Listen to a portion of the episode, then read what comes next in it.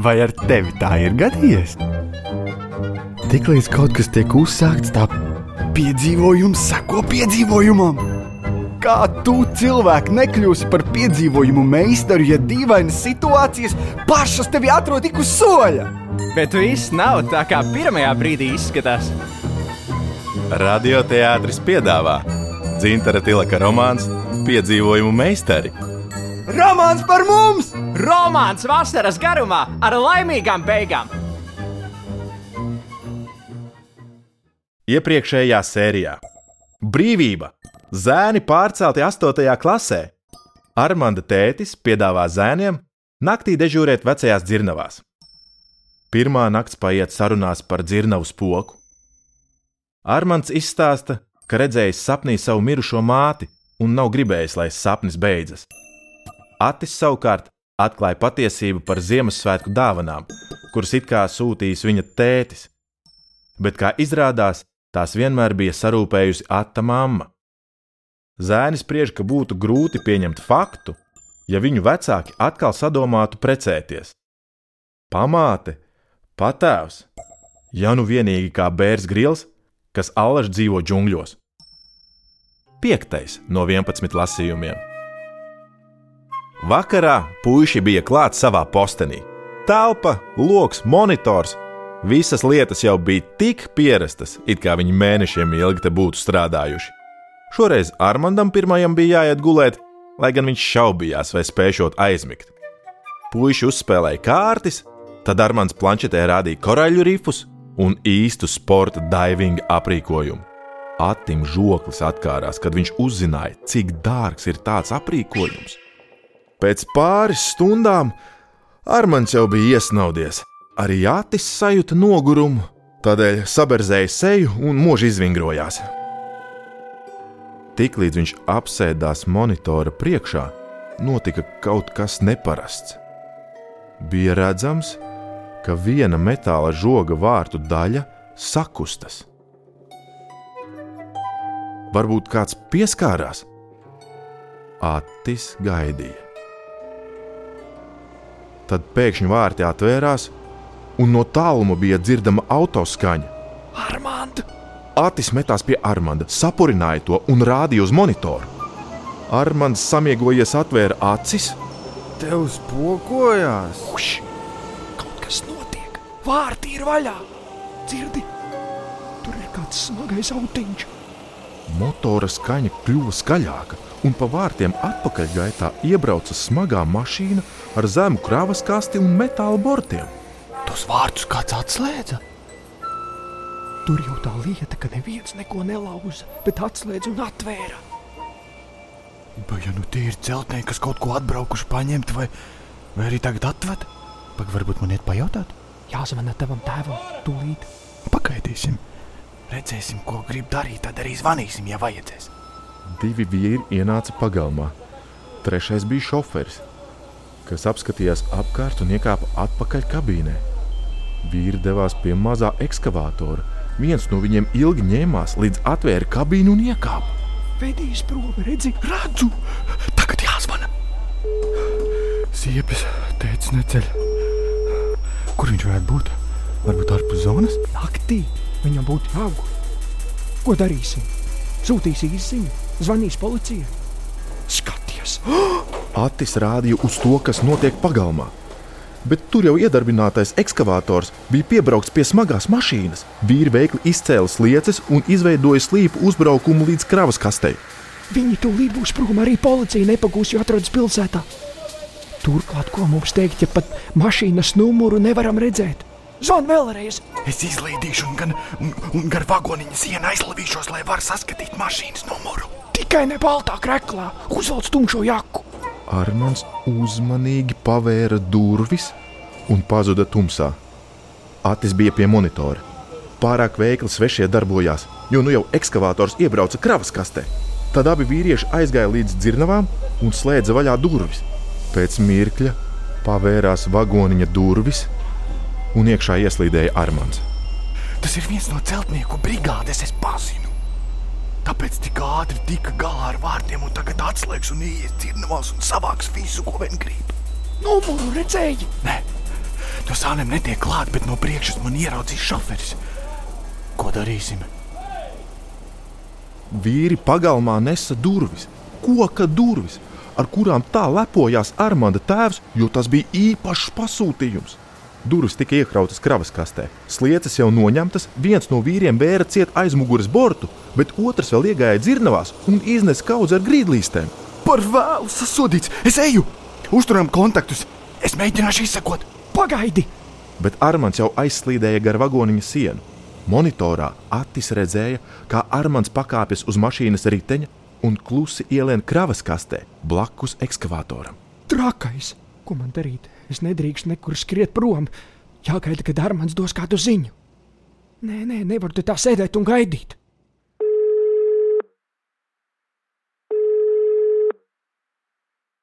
Mamu, klausies, vajag tavu palīdzību. Celies augšā! Nē, nē, visi dzīvi un veseli celies, labi? Es pēc tam izstāstīšu, vajag tevi un mašīnu.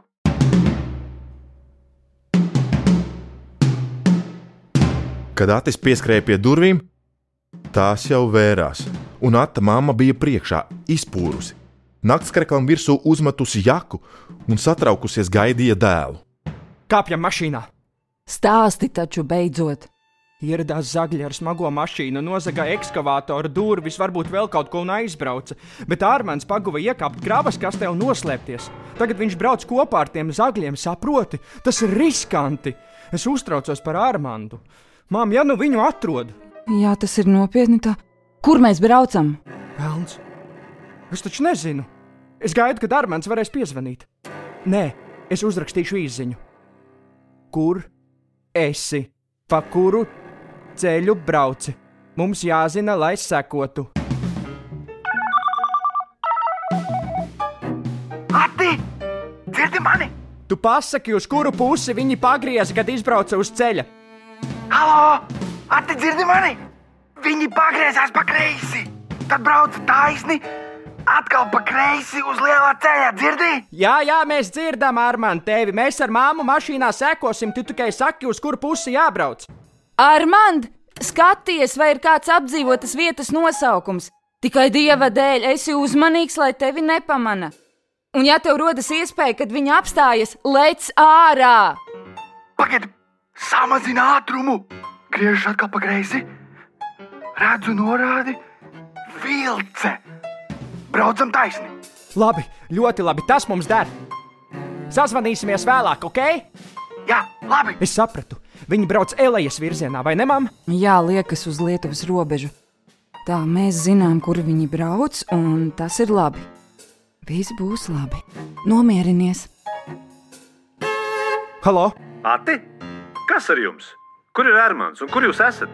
Armāns ielēca kravas kastē pie nozaktās tehnikas. Mēs ar māmu viņu meklējam, mēs denamies pakaļ. Mēs apmēram zinām ceļu.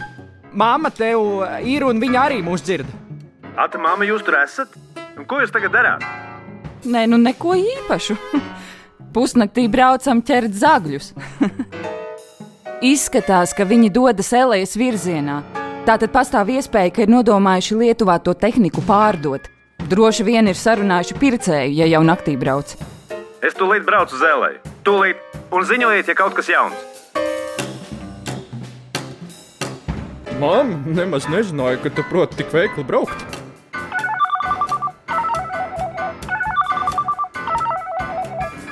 Redzu norādi uz Elēju. Halo! Ati, dzirdi? Jā, jā, mēs dzirdam! Armand, viņi laikam brauks uz Lietuvu. Armand lec ārā, ja viņi apstāsies, un tad arī varbūt pagūs ievērot numuru. Neriskē, lūdzu!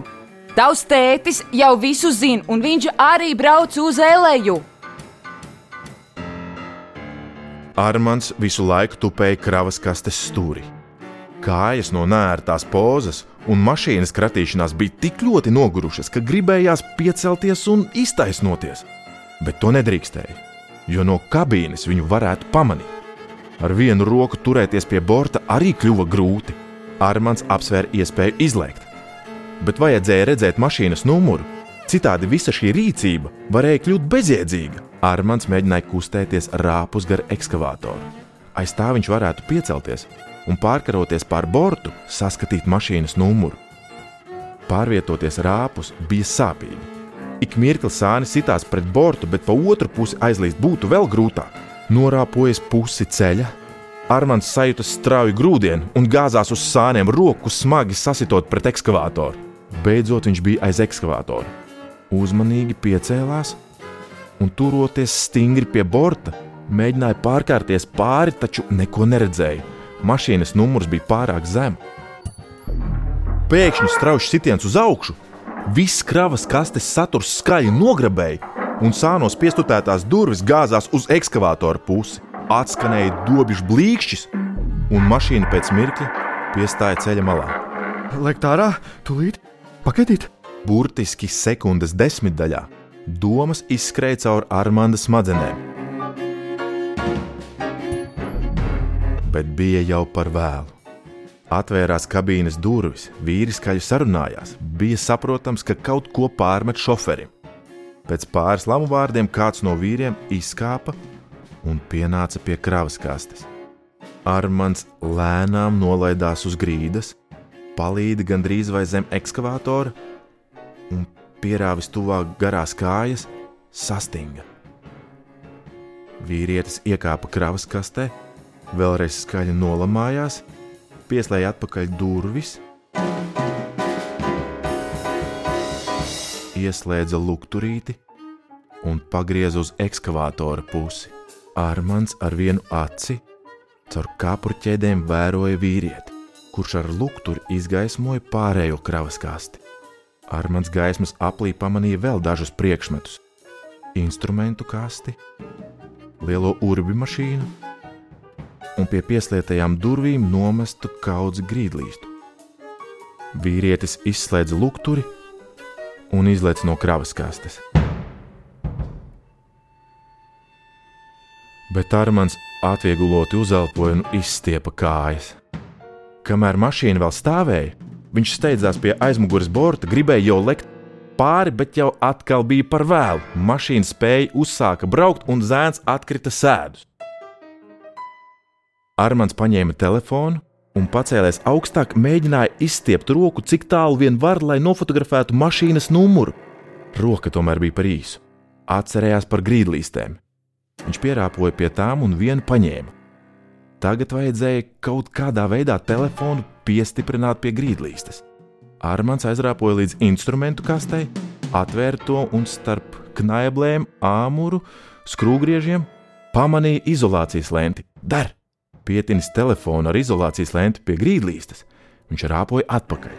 Izraudzījās fotografēšanas režīmu ar laika intervālu un vairākiem kadriem secībā, lēnām pārlieca garo līsti pār mašīnas aizmuguri. Pagrieza līsti pa labi, pa kreisi, iecēla atpakaļ.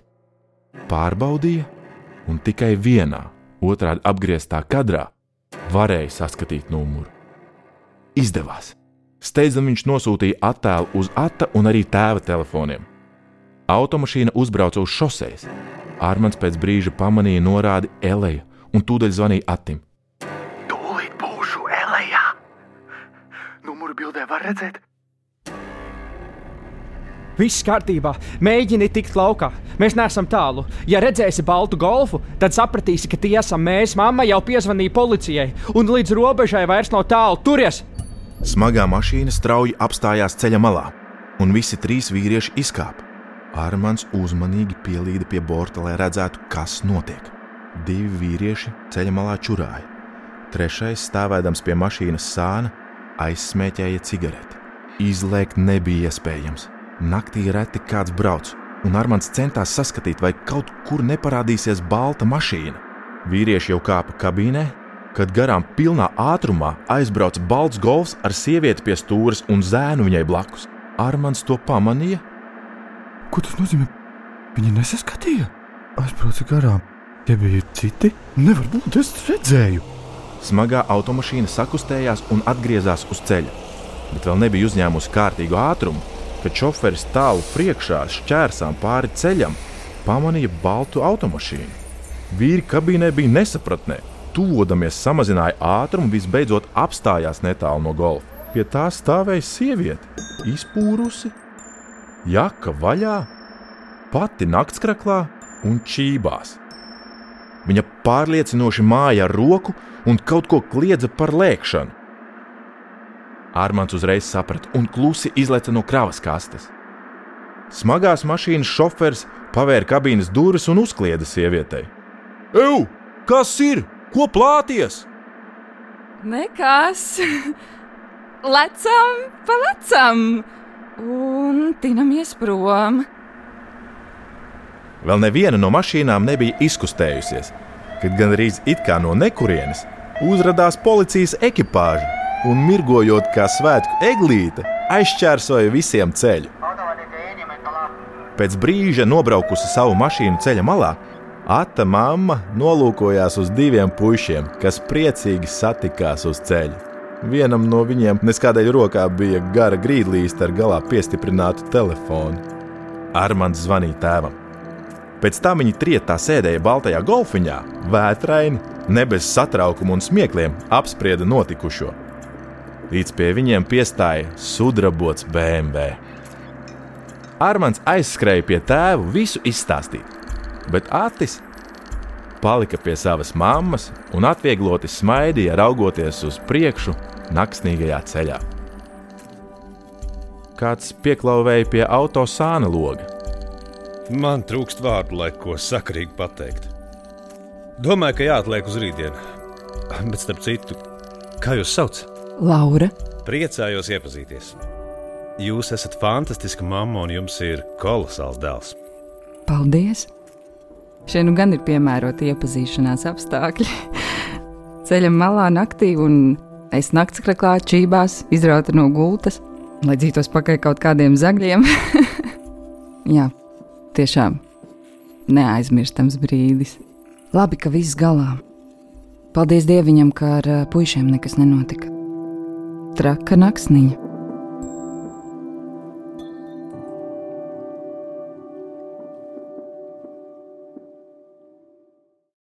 Izskanēja Dzintara Tilaka romāna Piedzīvojumu meistari piektais lasījums.